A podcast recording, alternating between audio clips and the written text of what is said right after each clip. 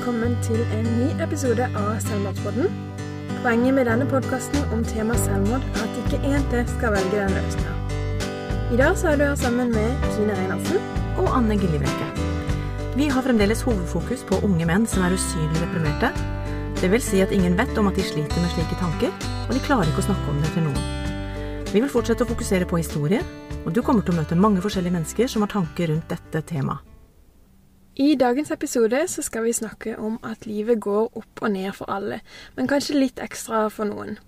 I dag så er vi så heldige at vi har med Edvard i studio. Edvard han er jo en god venn og kollega av oss her i podden, og han er vår tech-guy som vi eh, tar tak i når vi trenger litt ekstra hjelp. Edvard han er 27 år, og han studerer multimedieteknologi og design på UiA. Du har jo vært ganske åpen om ditt liv og at du er bipolar, Edvard. Hvordan håndterer du eh, dine nedgangsperioder, egentlig? Merker du når de er på vei? Jeg kan jo begynne å svare med om jeg merker de er på vei, for da tar vi det kronologisk. Altså Når de er på vei, så er det jo litt sånn Man merker det veldig fysisk. Man er mer stressa, man har høyere puls, man er mer ukomfortabel blant mange personer. Så det er sånn standard. Altså Når jeg er da veldig deprimert, da, så vil jeg jo kun være aleine. Jeg vil helst ikke være med noen. Men da søker jeg jo selvfølgelig tilflukt hjemme hos, hjemme hos familie, for der er det jo trygt og godt. Da er det liksom folk jeg vet tar vare på meg, sånn sett. Men når jeg da merker at det kommer, ikke sant, for noe av trikset når man er nede, er jo på en måte å gjøre ting man vet man liker, samtidig som man også må på en måte tvinge seg litt ut da, av det der skallet som man er i når man er der nede. Alle leger sier jo det at det er jo grønn resept på å komme seg ut i skauen, og det er jo noe man prøver så godt man kan da, når man er nede. Og derfor allierer jeg meg hjemme, liksom, for å liksom bli dratt litt mer ut. Som jeg sendte inn til denne For Anne spurte meg om jeg kunne bidra med noen strategier i liksom, ting som var kjipt, da, Mm. til denne podkasten. Og da er det jo det å liksom gjøre ting som man kanskje ikke ser gleden i der og da, men eh, som man egentlig vet at dette er noe som gjør meg glad. Da. Dette er noe som bygger deg opp til vanlig, sånn som en god film eller en god sang eller et bra band eller Det kan jo være så mye. Det kan jo være en bok, det kan være eh, et dataspill for all del, det kan være alt mulig. Så lenge det bare gir deg noe, liksom. For man har jo øyeblikk der nede når alt egentlig er helt svart, som egentlig er ganske fine, fordi at man har ok, funnet fram Nintendo 64 eller et eller annet, og så er det egentlig litt hyggelig. Men når man er der nede, så er liksom hele verden sånn der ei boble hvor man liksom ikke husker noe særlig fra noen ting. Og så husker man tilbake på det, og så var det jo veldig mange ting som var veldig hyggelige, men når man sitter i det, så husker man jo egentlig nesten ikke hvem man er sjøl, på et vis. For man havner jo så langt ned, liksom, at det er sånn Når man da er veldig deprimert, så er jo ting veldig sånn Man klarer ikke å se gleden i alt som er, ikke sant? Gjør noe du liksom vet at du setter pris på, da. Og så er det jo selvfølgelig det der standardsvaret om at man bare må vente til ting går litt over, da. Ta fram ting som på en måte man vet innerst inne at 'dette liker jeg', 'dette er noe som gjør meg glad ellers', og så bare bruk det. Liksom, det er liksom mitt hovedverktøy, da. Sånn musikk og film og serier og tegninger, liksom. Bare gjøre noe for å gjøre noe, på en måte.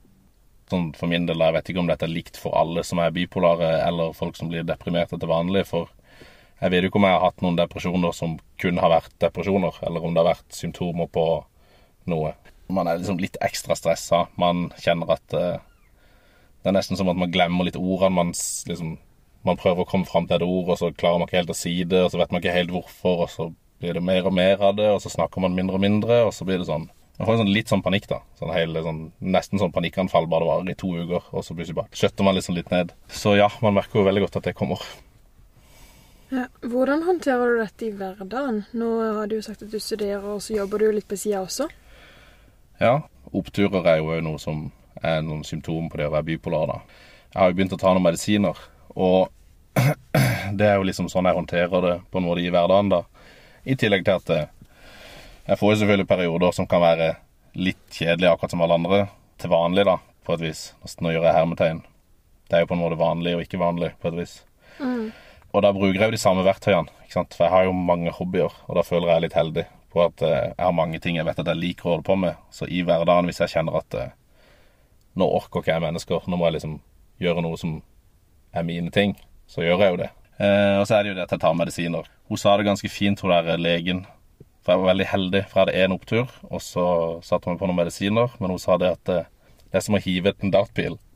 på et dartbrett, og så skal du treffe på første, men du skal hive baklengser i blind eller noe sånt. Så jeg traff egentlig ganske med en gang. Det er egentlig sånn jeg håndterer det. Gjør det samme som når man har det kjipt, bare at man har det ikke kjipt. Det er bare noe man vet man liker, ikke sant. Så det er sånn Ha sånn me-time på et vis. Det bruker jeg veldig mye. Være alene når man føler for det, liksom. vær være med andre når man føler for det. Gjør ting som man vet man altså har godt av, da. Treat yourself lite grann. Mm. Mm. Men når du er i den mørkebobla, hvordan greier du å få deg selv til å gå ut, til å ta, søke kontakt med familien og Nei, for da sier jeg ifra når jeg merker det, liksom. Det er jo noe av det jeg gjør når jeg merker at det kommer, så er det sånn For min del så er det jo mamma, da, som er liksom min Min sånn eh, go to. Så er det bare sånn Da blir jeg jo mammadalt med en gang. Rett hjem. Eh, og hun har jo på en måte vært den som alltid har tatt meg inn, fordi at hun har liksom visst det at OK, dette her går over, og dette må vi bare stå i, liksom. For dette det er bare sånn Så det må hun jo bare takke henne for. Da lager hun på en måte et litt sånn opplegg, nesten. Hvor det blir sånn der at eh, nå må vi gjøre det, nå gjør vi det, nå gjør vi det. Av og til så har de jo truffet ferier, så det har jo vært veldig greit. Da har hun hatt tid til det.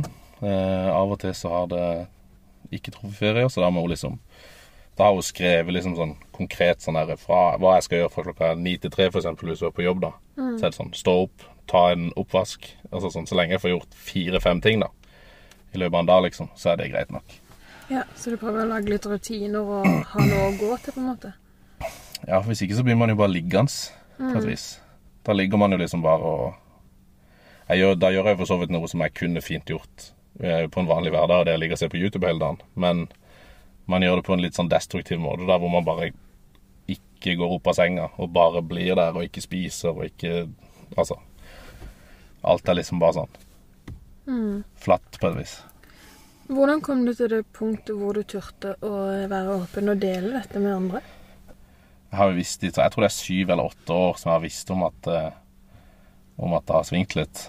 Og jeg begynte vel med det for et par år siden, tror jeg, å være mer åpen. For i begynnelsen så var det litt sånn der eh, skam. Men så fant jeg bare ut det at eh, jo mer jeg deler til folk, da, jo mer får jeg jo tilbake, samtidig som det jo er mer sånn at eh, jeg føler ikke det burde være noe stigma rundt noe som på en måte er Så det er jo en veldig stor del av hvordan og hvorfor jeg er sånn som jeg er. Så hvis jeg skal bli kjent med folk, hvorfor ikke bare får du det ikke Det er ikke sånn 'hei, heter Edvard, er bipolaraktig', men jeg kan gjerne nevne det i løpet av en kveld hvis jeg føler meg komfortabel på noe. Så kan jeg liksom bare si det. bare sånn Jeg føler meg bare ærlig på et vis. Mm. Og det er veldig viktig. Her i podkasten så fokuserer vi jo på unge menn. Og hvilke type tips vil du gi til de som sliter med å åpne seg, og som sliter med å snakke om eh, ting som er utfordrende, eller kanskje som er stigma, eller som er ja, vanskelig eh, i hverdagen, da? Jeg har jo prata med veldig mange sånn de siste Iallfall de siste to årene, da. Men når folk på en måte har visst litt om meg, så har jo folk kommet til meg. Så min strategi sånn bare fra meg og ut, da, sånn foreløpig, er jo bare å Jo mer jeg deler, jo mer får jo jeg igjen av sånn Kall det gjerne drit, da. Som på en måte ting som helst skal ikke bare ligge hos én person, som helst bare skal ut litt. Men konkret tips til folk som jeg ikke har da sånn én-til-én med, er jo på en måte Hvis Altså hvis det er noe jeg vil få fram når jeg sitter her, da, så er det jo det at eh, jo mer man deler, jo mer får man igjen. Jeg har sikkert sagt det fire-fem ganger. For det er jo faktisk noe i det. Og det er sånn Sitter man med noe sjøl, så blir det jo bare mye, mye, mye mye tyngre.